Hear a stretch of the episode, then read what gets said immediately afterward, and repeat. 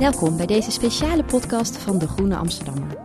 Normaal gesproken trekken onze medewerkers erop uit om internationale muziek, theater en dansvoorstellingen te zien voordat ze in juni bij het Holland Festival aankomen.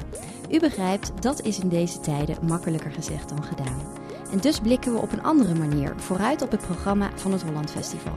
En praten we in deze podcastserie met kenners, critici en makers zelf. Mijn naam is Roos van der Lind en vandaag gaan we het hebben over Fremdkörper. Een voorstelling en een installatie in één die je publiek meeneemt op een rituele verkenningstocht van het onderbewuste. Het meme- en performance duo Bogaert van der Schoot nodigt het publiek uit een slaapzaal te betreden voor een ceremonie die is geïnspireerd op rituele slaapsessies van oud-Griekse geleerden. Ze gaan op zoek naar een weg uit onze hedendaagse pandemische realiteit. Fremdkörper is theater dat met twee benen in de maatschappij staat en er toch van een afstandje naar weet te kijken. En net als in eerder werk van Bogaert en van der Schoot speelt het publiek een sleutelrol. Ik spreek vandaag met de makers van de voorstelling, Suzanne Bogaert en Bianca van der Schoot. Welkom. Dank je. Bogaert en van der Schoot volgden beide de mime-opleiding van de Theaterschool Amsterdam en werken sindsdien samen als duo. In 2011 begonnen ze een reeks voorstellingen onder de naam Visual Statements, waarin ze ingingen op onze door media gedreven wereld, waarin wij toeschouwers zijn geworden van ons eigen bestaan. De voorstelling Bimbo uit deze serie werd een theaterhit. In 2016 traden Bogaert en Van der Schoot toe als kernmakers binnen het artistieke team van Theater Rotterdam. Sindsdien werken zij in Rotterdam en in Berlijn, waar zij bij de Volksbühne samenwerken met regisseur Suzanne Kennedy. Ik heb een zogeheten teaser van Fremdkörper gezien.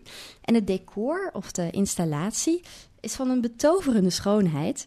Maar uiteindelijk gaat de voorstelling over ons onderbewustzijn. Uh, Suzanne, ik begin graag bij jou. Uh, wat was het vertrekpunt voor Fremdkörper? En kun je vertellen waar het in essentie over gaat? Um, ja, het vertrekpunt um, had wel degelijk een, ook zijn zijn of haar wortel in, uh, in de, de pandemie. Dus um, wij zijn hier vorig voorjaar op uitnodiging van Theater Rotterdam gaan nadenken over wat gaan we doen als het theater weer open gaat. En in die periode uh, nou, we hadden, waren we veel plannen aan het maken en we hadden een fantasie, of ik had een fantasie bij, dat, bij de, de heropening van het theater dat op een of andere manier je, uh, de behoefte om mijn eigen levendigheid of, of mijn eigen fysicaliteit uh, te ervaren in, in, in groepsvorm. Omdat we dat natuurlijk al een tijdje thuis zittend in onze eigen huizen achter beeldschermen. Dat dat het onderdeel is wat we, wat we missen. Of wat ik in ieder geval dacht van daar ga ik naar uitzien. Dat we dat weer kunnen doen. Gezamenlijk met een groep mensen.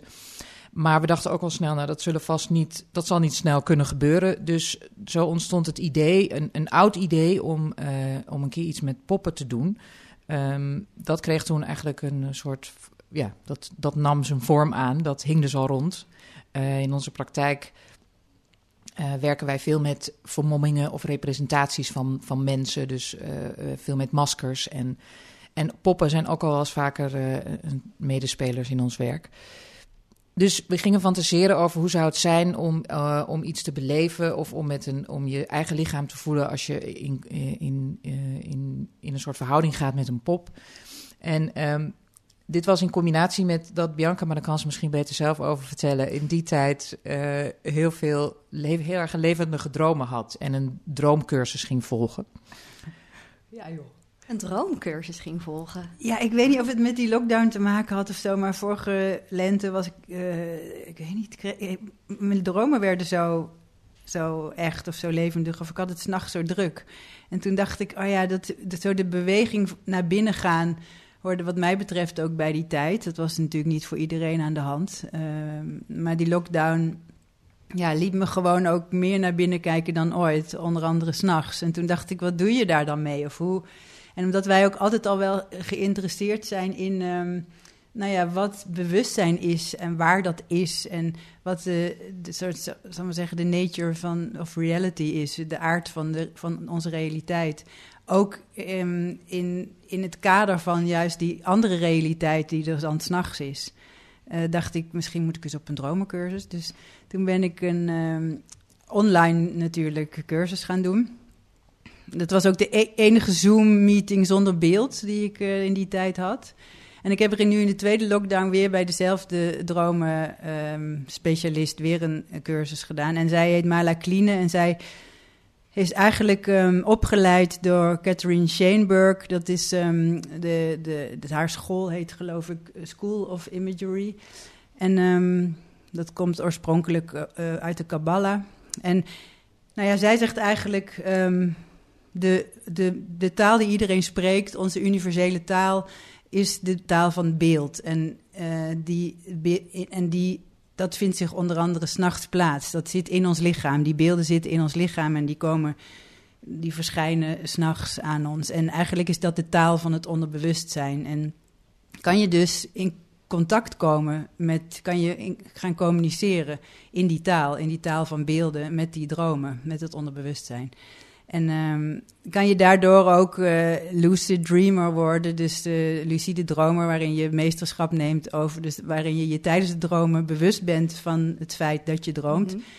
En dus ook die dromen kan sturen, of eigenlijk een soort transformatieproces op gang kan brengen door met je eigen dromen te gaan wow, praten. Is je dat gelukt? Nee.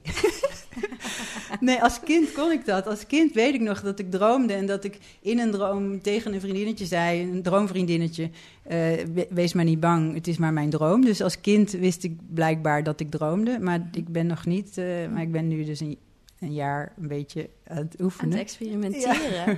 Maar dat is heel interessant, want Suzanne, jij vertelt over die fysicaliteit eigenlijk, die je miste ook tijdens die lockdown.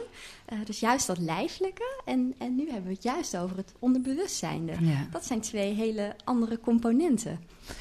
Ja, ik denk dat um, hoe het vaker gaat als we iets maken, dan komen er natuurlijk verschillende lagen van informatie en verschillende bronnen komen er dan samen. Dus toen we uiteindelijk um, uh, aan, de, aan het, hieraan gingen werken, um, gingen we ook natuurlijk kijken. Dus we gingen met onze kostuumontwerper uh, Lotte Goos, hadden we een aantal poppen gemaakt. En dan gingen we ook kijken wat voor geluid hier dan bij werkt. Dus hoe kun je die figuren dan op een of andere manier levend maken... of dat je daar als kijker toch een soort gevoel van uh, iets op kan projecteren... waardoor je ermee verbonden voelt. En uh, tijdens dat werken kwamen we er ook achter dat eigenlijk een, die, die staat van, als zij natuurlijk, ze, ze lagen namelijk in bed, de poppen. We hadden ze ja. zelf in bed gelegd. Misschien moeten we ook even zeggen wat we, wat we te zien krijgen ja. voor de luisteraar, dat ze daar een beeld bij hebben. Ja, we hadden ze in bed gelegd, omdat ze, dat, dat eigenlijk de enige mogelijk, ja, je kunt natuurlijk een pop bespelen. Je kunt gewoon, zoals popperspelers, met een, ja. met een hand bij dat hoofd en dan kan je ze behoorlijk bezielen. Maar wij wilden, ons plan was we mogen waarschijnlijk maar met 30 mensen in een ruimte zijn, maar we willen toch het gevoel hebben dat we onderdeel zijn van een crowd, van een groep mensen. Mm -hmm. Dus we dachten, we gaan 70 poppen maken en 30 publiek mensen toevoegen. Dan zijn we toch met z'n honderden. Dan heb je toch behoorlijk het gevoel dat je weer met een groep mensen bent. Dus we dachten, we gaan veel poppen maken, maar we hadden niet ook 70 performers die die poppen konden bespelen. Dus we gingen onderzoeken hoe we die poppen eigenlijk um, ja, wat Suzanne zei, konden bezielen. Of toch een, mm -hmm. een soort van leven konden geven, waardoor je het gevoel hebt dat je er een relatie mee aan kan gaan. En toen uh, kwam eigenlijk, omdat die poppen natuurlijk, als ze niet bespeeld worden, nogal een lage energie hebben, kan je je voorstellen. dachten we, dan moeten ze slapen. Dus we dachten, we gaan, dus gingen we eerst een proefopstelling maken. Dachten we gaan een aantal poppen in bed leggen. En toen kwamen we zo op het idee van een slaapzaal. En omdat we ook voor eerder werk al wel eens in de praktijk, waar je net in je introduccie ook iets over zei, van die um, de, de Griekse inwijdingscultuur, waar ze eigenlijk in slaaptempels. Um, in donkere grotten vaak uh, na het uitvoeren van een ritueel uh, visioenen gingen ophalen in nachtelijke dromen. En die gingen ze eigenlijk interpreteren uh, met, in, met priesters.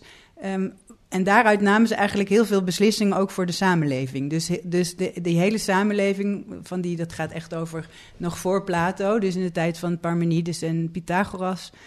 Um, gingen ze eigenlijk die, uh, gebruikten ze die informatie uit die visioenen uh, als een soort basis van een samenleving. En er zijn zelfs ook theorieën die zeggen, eigenlijk is onze hele oorsprong van onze westerse beschaving daar opgehaald. Want zo iemand als Pythagoras heeft natuurlijk alle, ook wetenschappen, alle basis van alle wetenschappen, is daar in droomvisioenen opgehaald. Dus misschien is de basis van onze samenleving, van onze westerse samenleving, wel ehm, vindt hij wel zijn oorsprong in onze dromen. In, onze, in de visioenen die we, die we s'nachts in ons onderbewustzijn. Dat waren wel lucide dromers, denk ik dan. Ik denk dat ze behoorlijk pro profi waren, ja.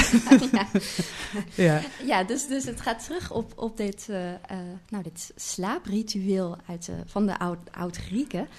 tegelijkertijd, we zien deze slaapzaal met bedden waar die poppen in liggen. En die poppen die kunnen ook ademen, heb ik begrepen. Hè? Ja, want een, we gingen ja. toen dus inderdaad meer, letterlijk meer op de vloer verder kijken met hoe, inderdaad, hoe, wanneer ga je je ermee verbinden? Wanneer krijg je een, kan je er een verbinding mee maken? En dat heeft heel vaak wel met geluid te maken. Dus we gingen allemaal geluidslagen uitproberen met onze componisten.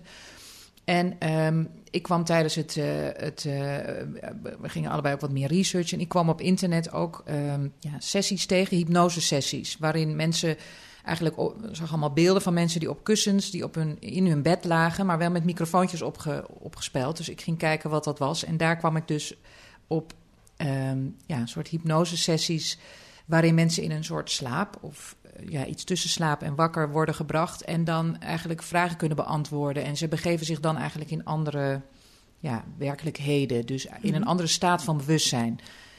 Um, en daar stonden heel veel, heel veel uren materiaal. Dus die zijn we toen ook heel, heel veel gaan kijken. En wat heel mooi was, eigenlijk sowieso, was de informatie waar die mensen allemaal mee kwamen. Mannen, vrouwen, alle leeftijden, alle achtergronden door elkaar.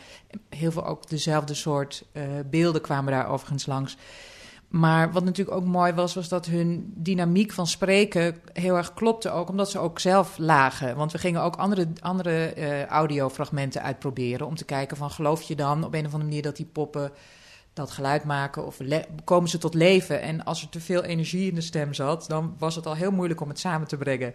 Dus zodoende, dat is dan soms ook een hele praktisch, of dat je denkt, oh, maar dit werkt. Zodoende kwamen we dus ook helemaal in die wolk, die, die cloud van van al die uh, hypnosesessies, waar vervolgens ook super interessante uh, ja, dingen langskwamen, die, we dus, die je dus nu ook in de ceremonie en ook in de installatievorm uh, hoor je daar fragmenten van.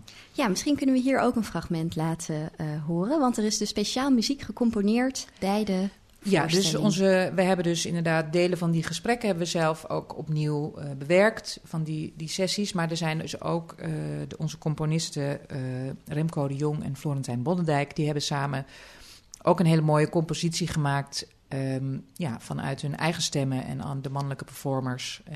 ja. Laten we luisteren.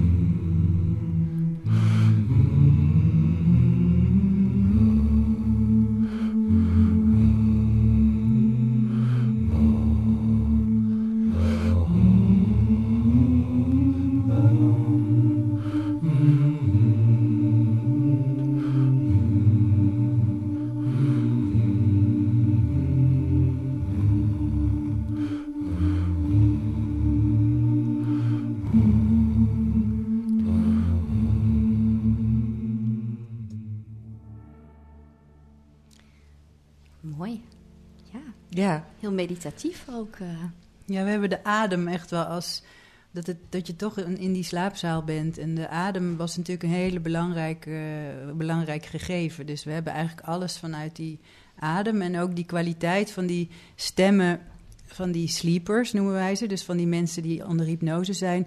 Die hebben ook allemaal een hele lage energie. Dus die, komen, die mompelen het ook een soort van. Dus het is heel, een hele bijzondere kwaliteit van spreken fluisteren, mompelen, ademen. Dat is een beetje de basisgeluidkwaliteit uh, die er in de ruimte is. En het zijn dus alleen maar mannenstemmen. Want we hadden dus die, waren die slaapzaal aan het bouwen. En toen hadden we er op een gegeven moment iets van 30 bedden of zo. Ik weet niet meer, in de ruimte daar waar we het aan het maken waren gezet.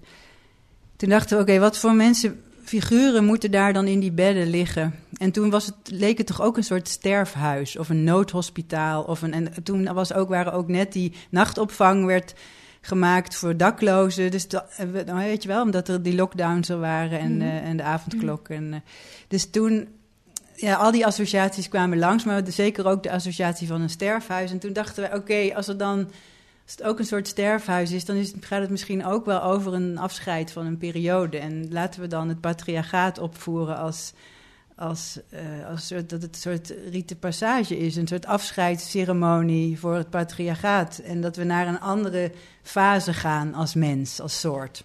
Ja, want Dus toen dachten we, hebben- we leggen alleen maar witte mannen in die bedden.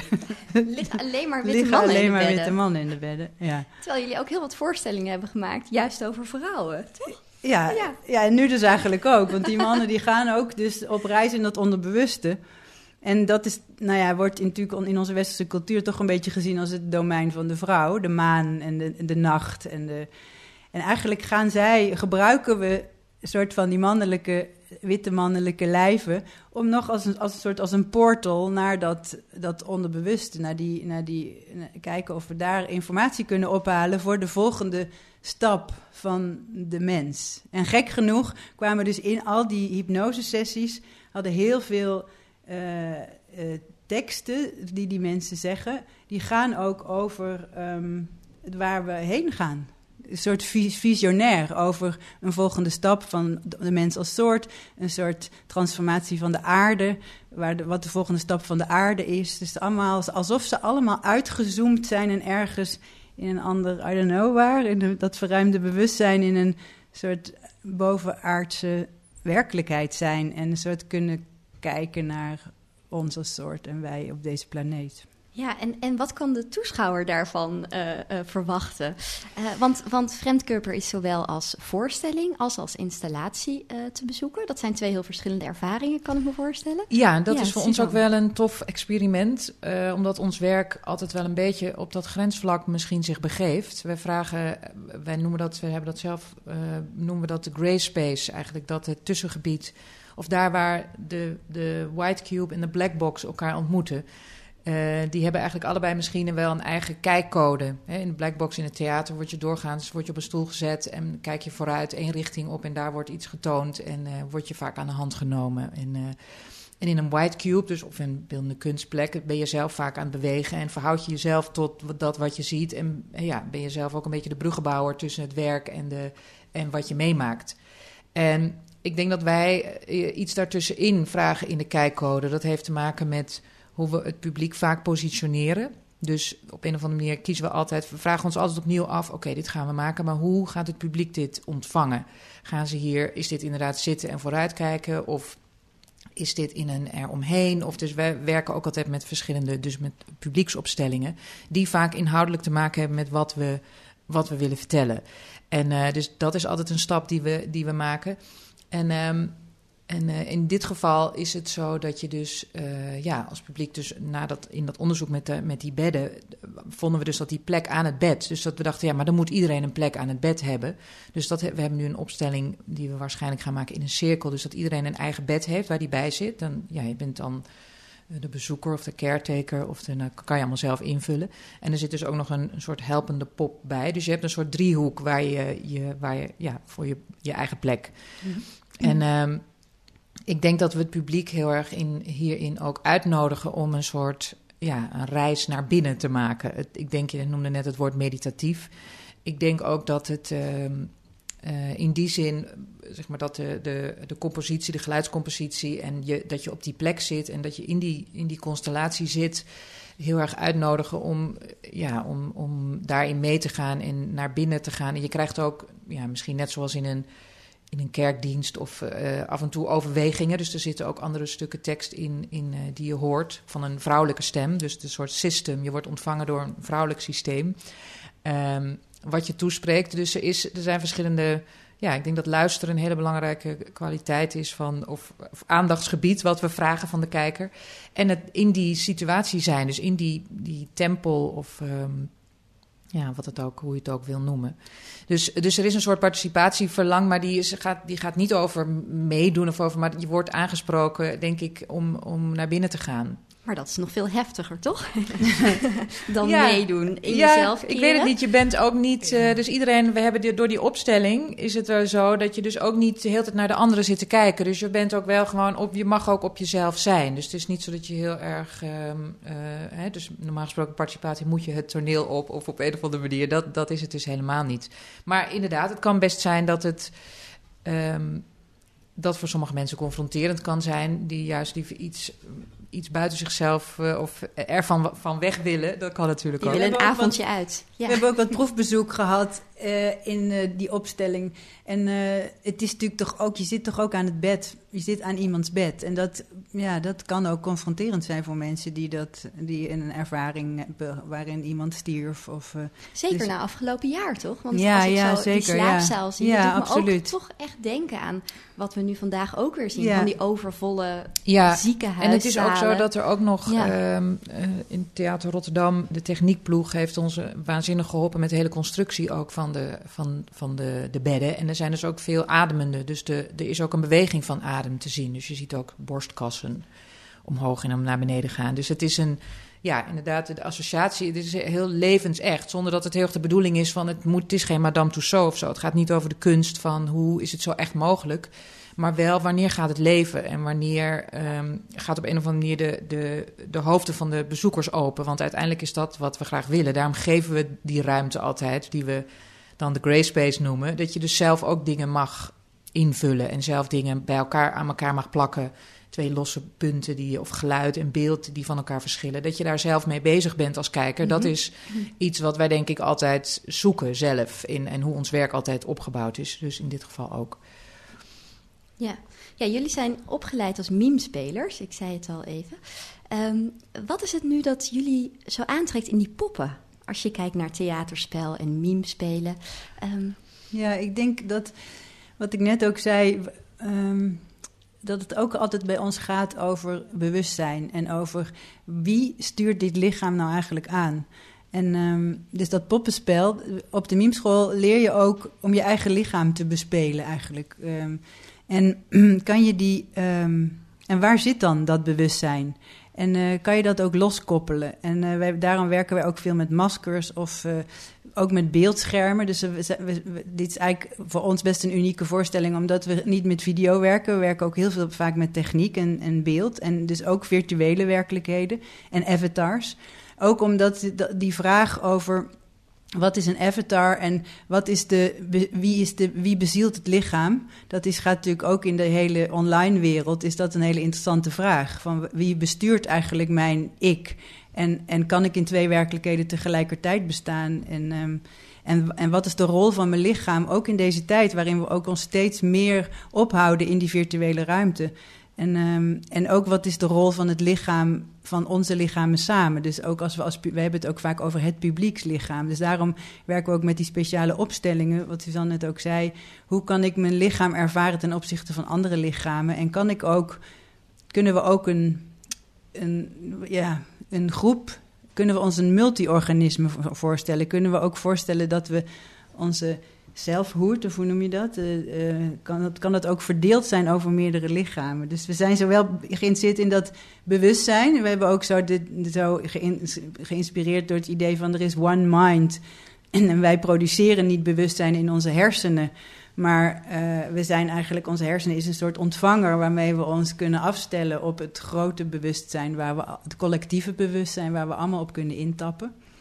En onze lichaam is misschien een tijdelijke een tijdelijk voertuig waarin we, waarin we, wat we een tijdje bezielen.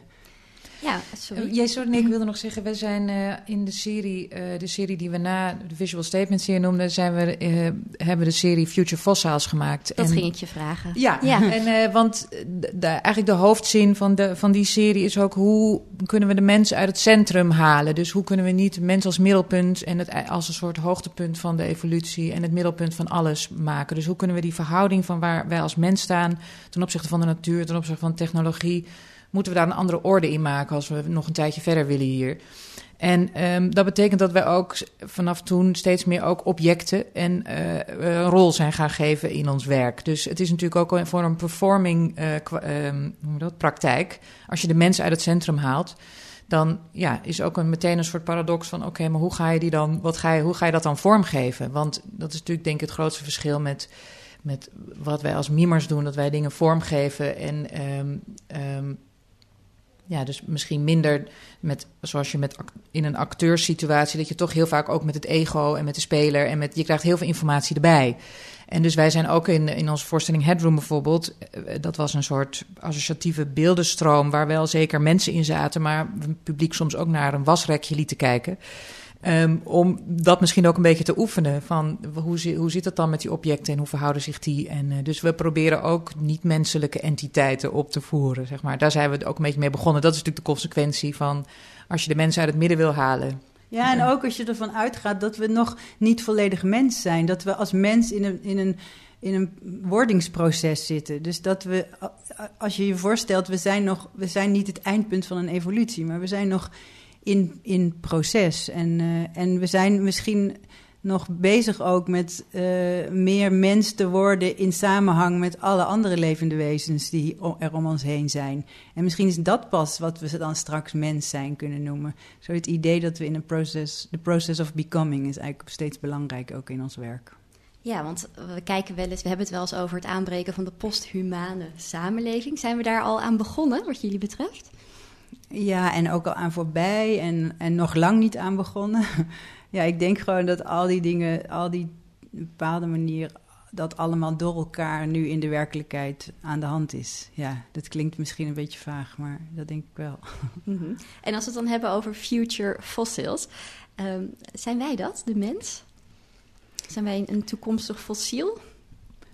Nou, vanuit het perspectief dat er hierna anderen komen. Ja, wij zijn voor, natuurlijk voor, voor diegenen die hierna komen, zijn wij op een gegeven moment misschien wel studieobject of, uh, of, of fossielen. Of zijn resten die wij nalaten worden bestudeerd om te kijken hoe, hoe ze het toen deden, zoals je dat nu ook hebt. Dus je kan dat natuurlijk omkeren, hoe wij terugkijken, ook vooruitkijken. En vanuit daar misschien kijken naar deze tijd. Dat geeft ook weer zo'n prettige afstand misschien om te kijken wat dat, ja, om, om ons hier, hier en nu te bestuderen. Ja, en volgens mij kijkt die titel Future Fossils twee kanten op. Dus inderdaad, het kijkt naar de toekomst, maar het kijkt ook naar het verleden. Dus dat we ons baseren, hè, dat we kijken hoe is de westerse samenleving misschien begonnen. Kunnen we daar iets leren? Kunnen we daar iets, iets opnieuw uh, herdenken? Kunnen we die praktijk herdenken en opnieuw um, in deze samenleving toepassen? En, uh, dus, dus ook door terug te kijken, vooruitkijken. En, en denken jullie ook na over, um, dat, denk, dat doen jullie vast, over wat dat dan zou betekenen voor het theater, zo'n posthumane samenleving?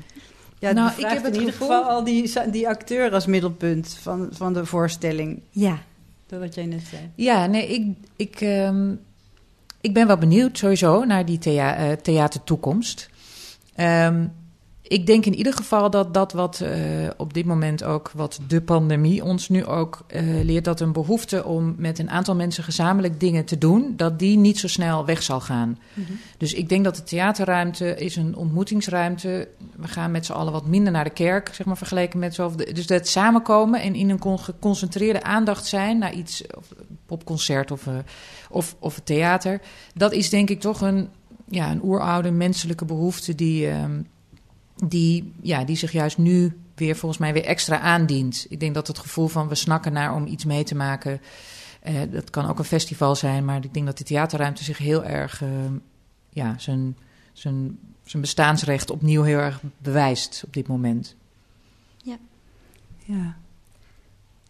Ja, ik denk dat we daar ook heel erg. Um, ook door deze pandemische tijd uh, onze nieuwe vo voorstellingsserie op gaan baseren. Of daar zijn we natuurlijk al, ook al plannen over aan het maken en voorbereidingen voor aan het treffen.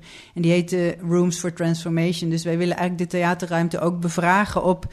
kunnen we in die ruimte mogelijke toekomstige scenario's oefenen met elkaar? Kunnen we samenkomen om te kijken hoe gaan we nou verder met z'n allen? En kunnen we dat oefenen als een soort trainingsruimtes of... Um, uh, ja, dus ruimte voor, voor, transform, voor het transformatieproces van ons als soort, de mens als soort. Nou, ik denk dat Vreemdkörper daar een heel mooi uh, begin van is. Uh, hartelijk dank voor de komst, Suzanne en Bianca. U luisterde naar de podcast van het Holland Festival in samenwerking met de Groene Amsterdammer over de voorstelling en installatie Vreemdkörper. Kijk op hollandfestival.nl voor meer informatie en kaartverkoop. De productie en techniek zijn in handen van Giselle Mijnlief en ik ben Roos van der Lind. Het Holland Festival wordt mogelijk gemaakt door het ministerie van OCW, de gemeente Amsterdam, productiepartner Amodo, hoofdbegunstiger Fonds 21, HF Business Partners, particuliere fondsen en vele vrienden. Vreemdkörper in het Holland Festival wordt mede mogelijk gemaakt door productiepartner Amodo. Dank voor het luisteren.